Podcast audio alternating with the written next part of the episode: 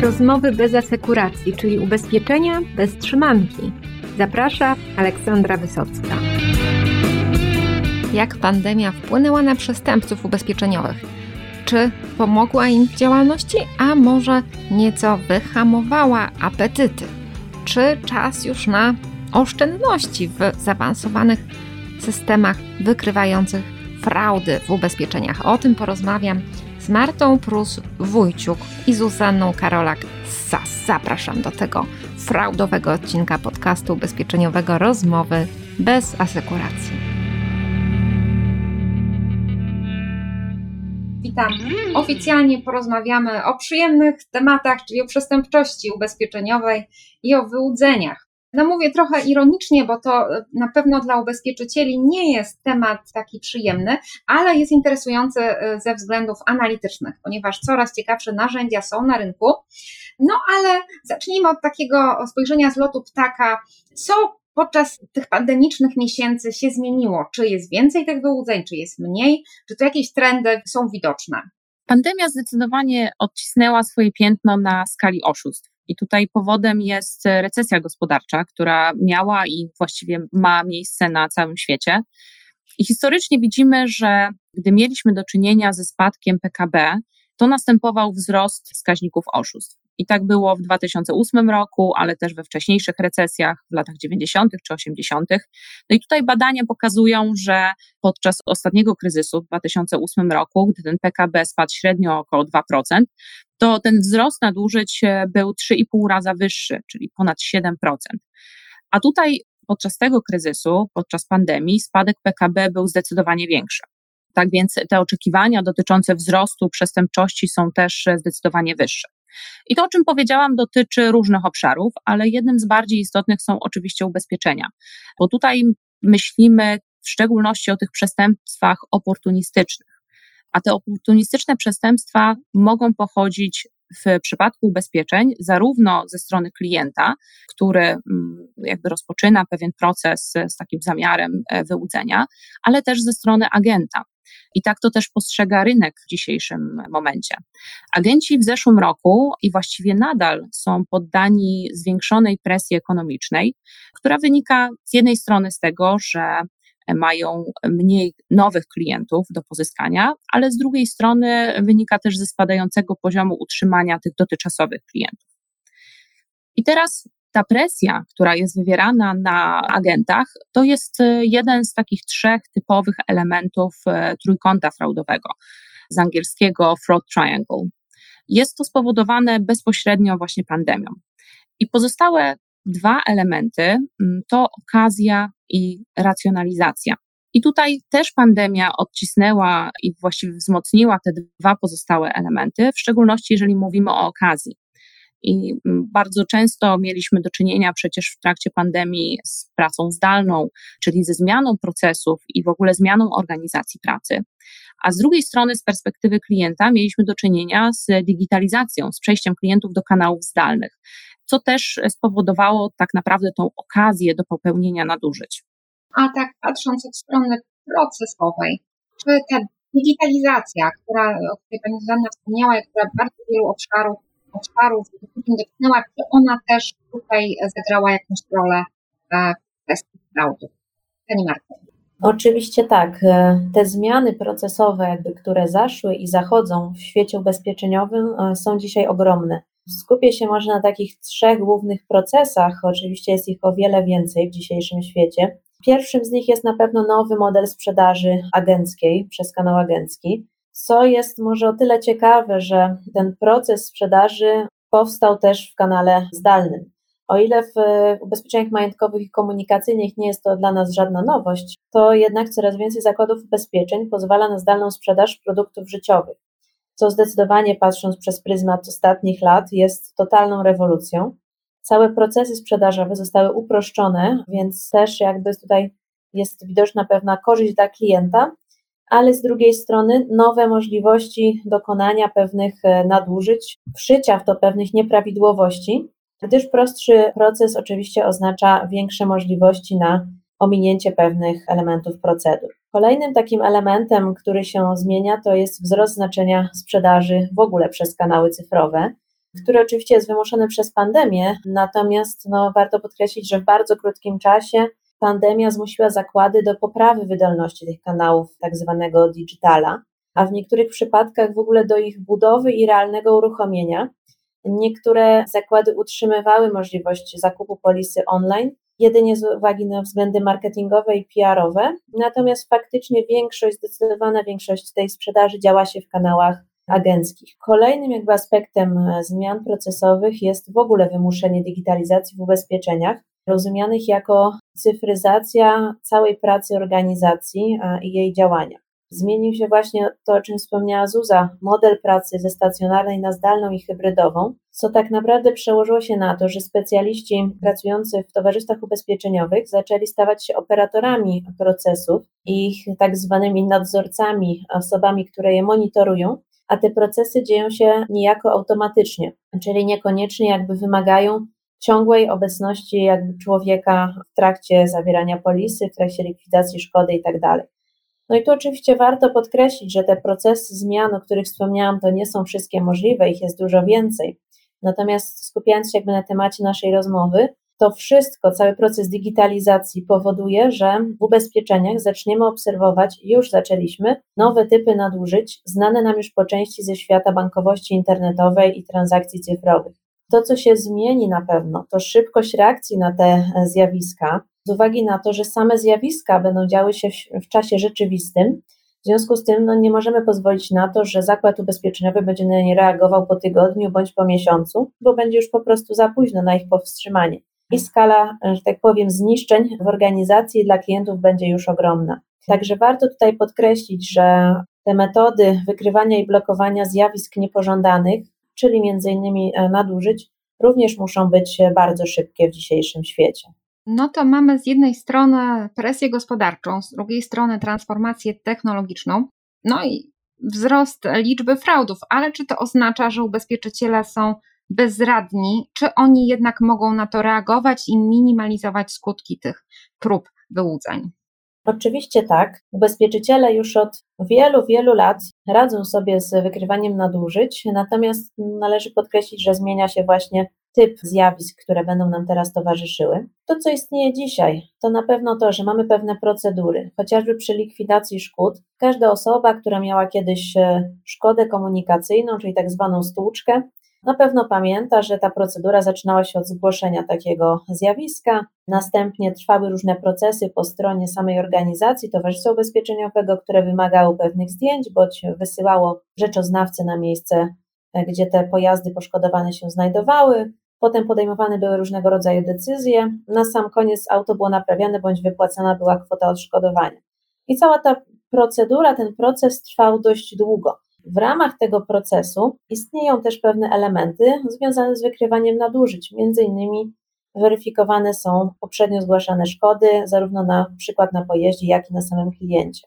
Do tego, żeby te elementy tych procesów istniały i mogły być realizowane, niezbędne są zespoły ekspertów. Ci eksperci tworzą jakby główne trzony działów bezpieczeństwa departamentów do spraw wykrywania nadużyć w zakładach ubezpieczeń i zasilają ich analitycy danych, analitycy, którzy zajmują się jakby analizą samych nie tylko danych rozumianych jako cyfry i liczby, ale również jako obrazy i dźwięki, o czym myślę, że też Zuza będzie później mogła więcej powiedzieć. Oprócz tego w skład takich zespołów wchodzą również śledczy operacyjni, którzy swoją wiedzą zdobytą z różnych organizacji, w których wcześniej pracowali, mogą ocenić, czy dany przypadek jest nadużyciem, czy też nie.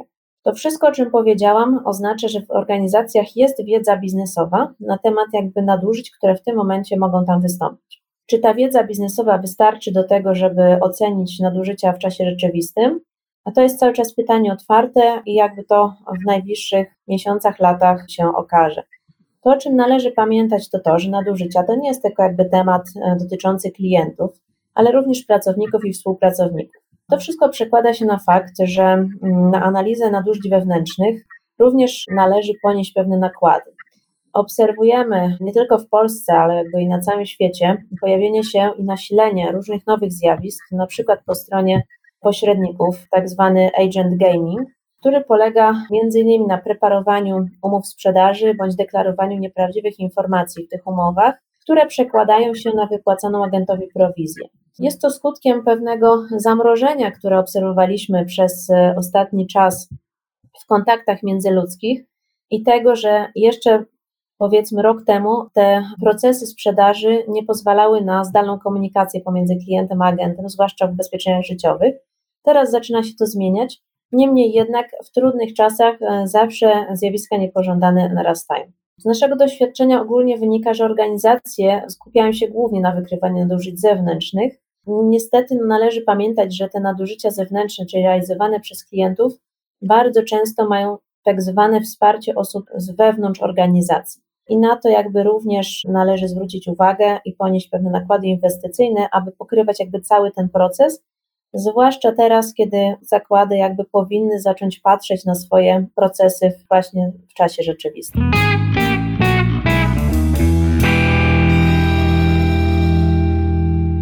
Wspomniała Pani o tych zespołach, które pracują nad wykrywaniem fraudów w zakładach ubezpieczeń i o tym, że tam pracują analitycy.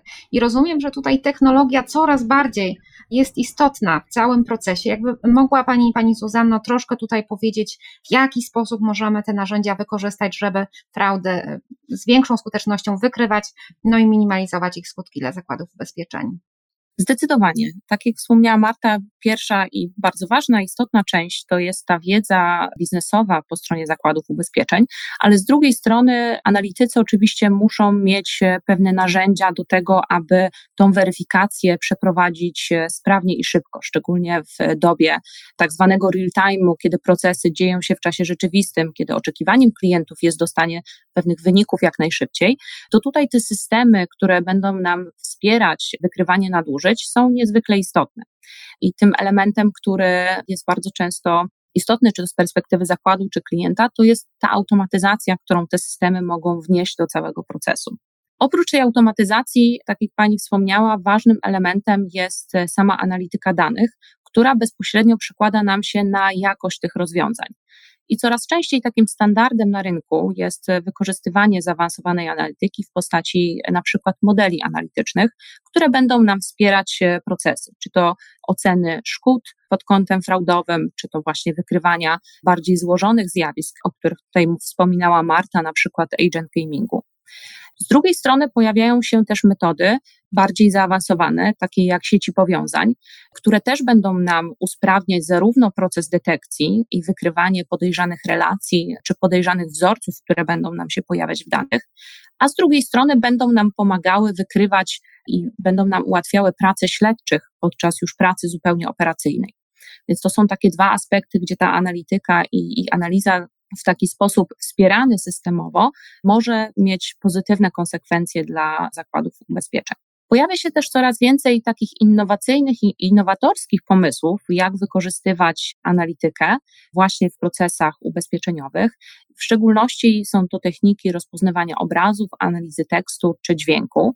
Przykładowo e, mamy klientów, którzy chcą analizować zdjęcia czy wideo w procesie likwidacji szkód ale nie tylko, także w procesie e, onboardingowym, czyli zawierania umów z nowymi klientami, czy zawierania umów o nowe produkty, zarówno ubezpieczyciele, jak i oczywiście inne instytucje muszą potwierdzać tożsamość klienta.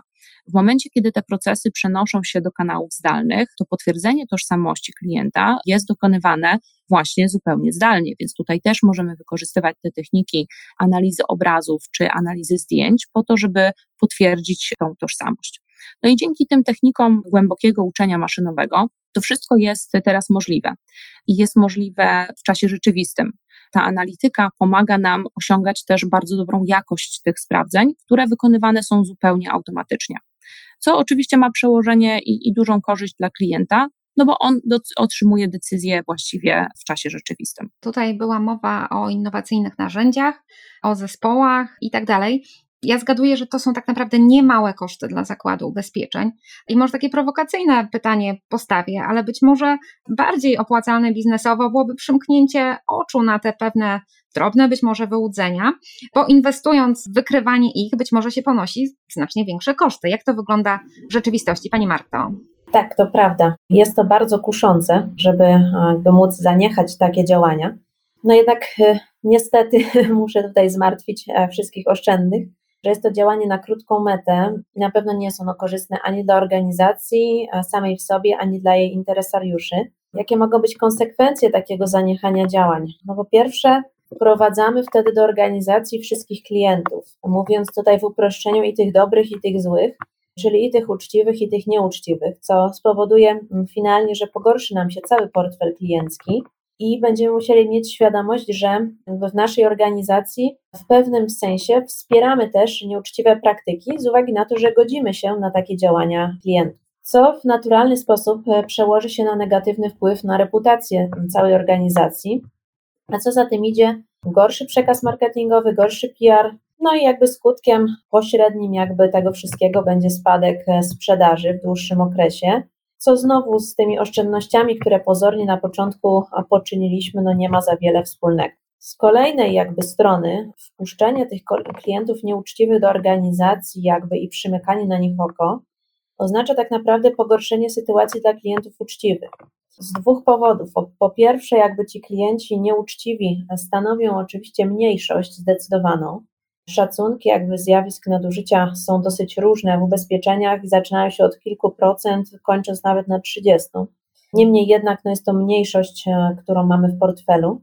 Natomiast ta mniejszość generuje tak dużo strat i tak dużo różnych nieprawdziwych szkód, różnego rodzaju wyłudzeń, roszczeń mm, też w ubezpieczeniach życiowych, że ktoś te straty musi, mówiąc tutaj wprost, pokryć. I osobami, jakby, które będą płaciły za tą nieuczciwość tych innych, będą klienci uczciwi. Czyli tak naprawdę uczciwy klient przysłowiowy z ulicy zapłaci wyższą, niesprawiedliwą dla siebie składkę, z uwagi na to, że jakby całość portfela klienckiego no finalnie musi być rentowna. Co znowu przełoży się na gorszy wizerunek firmy, na to, że ta firma ma ubezpieczenia, które są drogie, które mają podobny zakres do konkurencji, ale z nieznanych przyczyn te ceny są wyższe. No a ta przyczyna jakby będzie ukryta właśnie wewnątrz. I oczywiście jakby to tak zwane customer care, które jest teraz bardzo podkreślane, głównie w branży ubezpieczeniowej, no niestety będzie oceniane gorzej niż mogłoby być. To oczywiście jakby konsekwencje, powiedzmy sobie, sprzedażowo-marketingowo-wizerunkowe, na które jakby każda firma ma wpływ i nimi zarządza jakby na własnym podwórku. Natomiast z drugiej strony, to czym każda firma zarządzić nie może, to jest istniejąca e, otoczka regulacyjna, zarówno która powstaje jakby w Polsce, jak i ta, która powstaje w Unii Europejskiej, do której Polska należy. I te regulacje, które istnieją na terenie jakby Unii Europejskiej i Polski, zobowiązują ubezpieczycieli do ich stosowania, do stosowania się jakby do nich. Więc jakby z jednej strony, tak jak powiedziałam, ubezpieczyciel może decydować, że więcej oszczędzę na tym, że nie mam rozwiązań, e, nie mam procedur do zarządzania nadużyciami, ale z drugiej jestem trochę do tego zmuszony z uwagi na to, że zjawiska nadużyć są zjawiskami niepożądanymi, a są to zjawiska związane z nieuczciwością mm, klientów czy też innych podmiotów, e, które współpracują z daną organizacją. W związku z czym jakby polityka ogólnoświatowa jest taka, że należy je zwalczać. Także jeśli chodzi o te regulacje, tutaj szczęście w nieszczęściu zmuszają one ubezpieczycieli do wprowadzenia niektórych działań.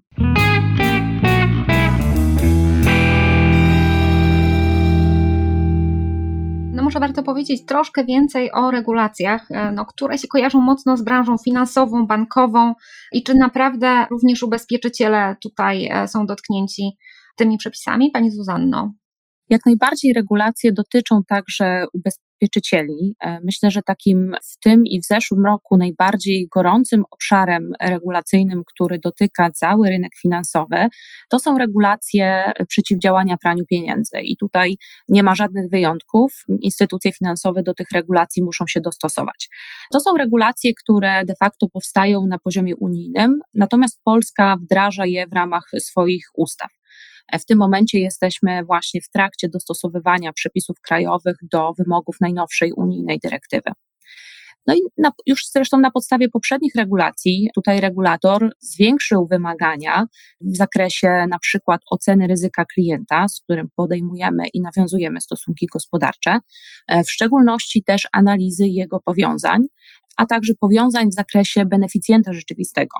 To jest aspekt szczególnie istotny, ponieważ e, taki ubezpieczyciel musi wiedzieć, kim finalnie albo do kogo finalnie trafiają środki, którymi obraca firma czy podmiot, z którym nawiązują stosunki gospodarcze. No, ma to oczywiście swój wymiar przeciwdziałaniu takim procesom globalnym, przeciw jakby prania pieniędzy, czy procesom globalnym związanym z bardzo trudnymi problemami, takimi jak finansowanie terroryzmu czy handel ludźmi. Dlatego tutaj bez wyjątków właściwie instytucje y, muszą się dostosowywać do, do tego rodzaju procesów, no i też ponosić oczywiście koszty tych regulacji, które stawiają coraz większe wymagania. Jednym z takich wymagań, które pojawia się w tych najnowszych regulacjach, to jest perspektywa szybkiej reakcji na zidentyfikowane ryzyka. No, oznacza to dla ubezpieczycieli, że ten obszar AML-owy potrzebuje też rozwiązań systemowych, które będą wspierały pewną automatyzację tych procesów. Czyli te procesy nie mogą już opierać się na manualnych weryfikacjach, tylko muszą mieć wsparcie systemowe, które zapewnią pewną dozę automatyzacji tych procesów. No ja myślę, że tutaj wątek, który warto jeszcze przy tej okazji poruszyć, to jest taki wymiar pandemiczny trochę tych e, związany z zarówno fraudami, jak i, jak i praniem pieniędzy, ponieważ pandemia sprzyja kreatywności i pomysłowości przestępców.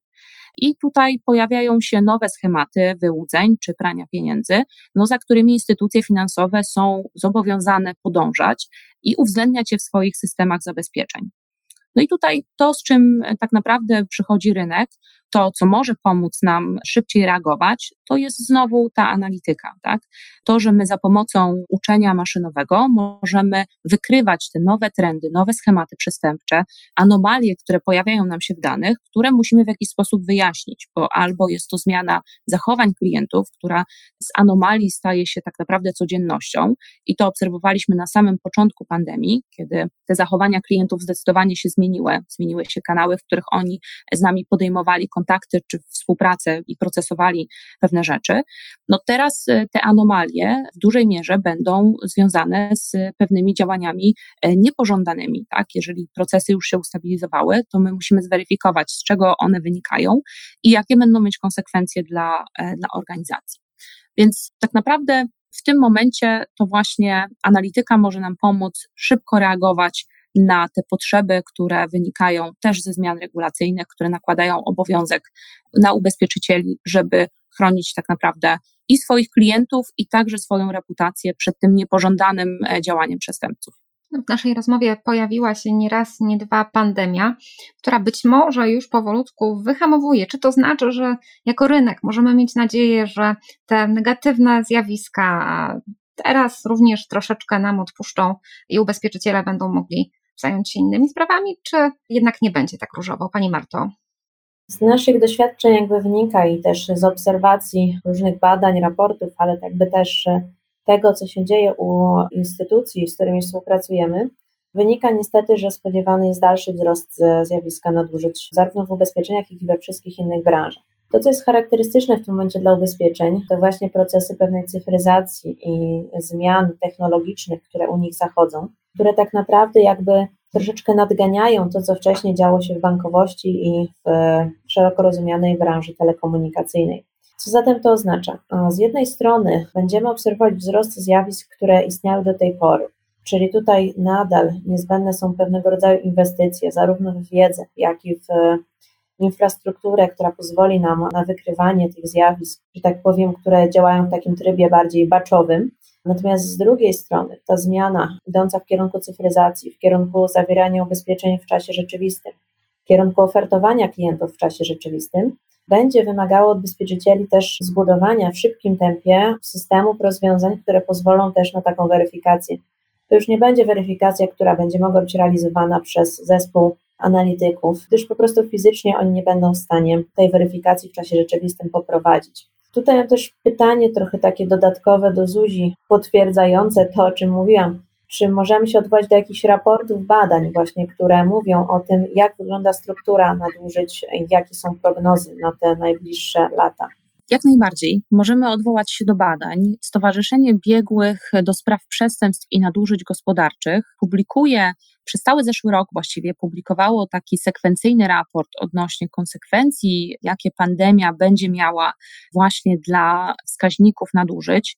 I ostatni raport, który został wypuszczony w grudniu 2020 roku wskazywał, że oczekiwania rynku co do wzrostu poziomu przestęp, takiej przestępczości i nadużyć to było aż 90%, tak? Czyli 90% organizacji, które wzięły udział w tym badaniu, a ja może przypomnę, że takie, to badanie jest kierowane do e, zespołów, które zajmują się wykrywaniem nadużyć właśnie w konkretnych organizacjach. Jest tam dużo instytucji finansowych, które właśnie brały udział w tym badaniu. No to oni wskazują rzeczywiście ten niepokój na następny rok czasu, tak? czyli właściwie na cały rok 2021. I tutaj odwołując się jeszcze bardzo konkretnie do obszaru ubezpieczeń, to był jeden z e, obszarów, dla których rzeczywiście te wzrosty nadużyć, zarówno obserwowane, jak i oczekiwane, były bardzo wysokie. To znaczy obserwowany wzrost nadużyć w listopadzie 2020 wynosił 59% wśród e, tych firm, które odpowiadały w tej ankiecie. Natomiast oczekiwania były jeszcze wyższe. Oczekiwania wynosiły nawet 78% instytucji oczekuje, że te wzrosty nadużyć będą. No cóż, cieszy fakt, że innowacyjność rośnie. Może niekoniecznie, jeżeli chodzi o pomysły na nadużycia, ale rozumiem, że za tym idzie również nowe narzędzia analityczne i nowe sposoby, żeby te nadużycia wykrywać. Więc dziękuję Panią bardzo za tą rozmowę. Myślę, że warto będzie do tematu powrócić i być może zaprezentować takie nowości właśnie w tym świecie nadużyć ubezpieczeniowych, co się na świecie dzieje, co ubezpieczycielom zagraża. No a tymczasem no zapraszam do testowania narzędzi analitycznych i do stawiania no, czoła tym wyzwaniom, które współczesny rynek niesie. Bardzo dziękuję.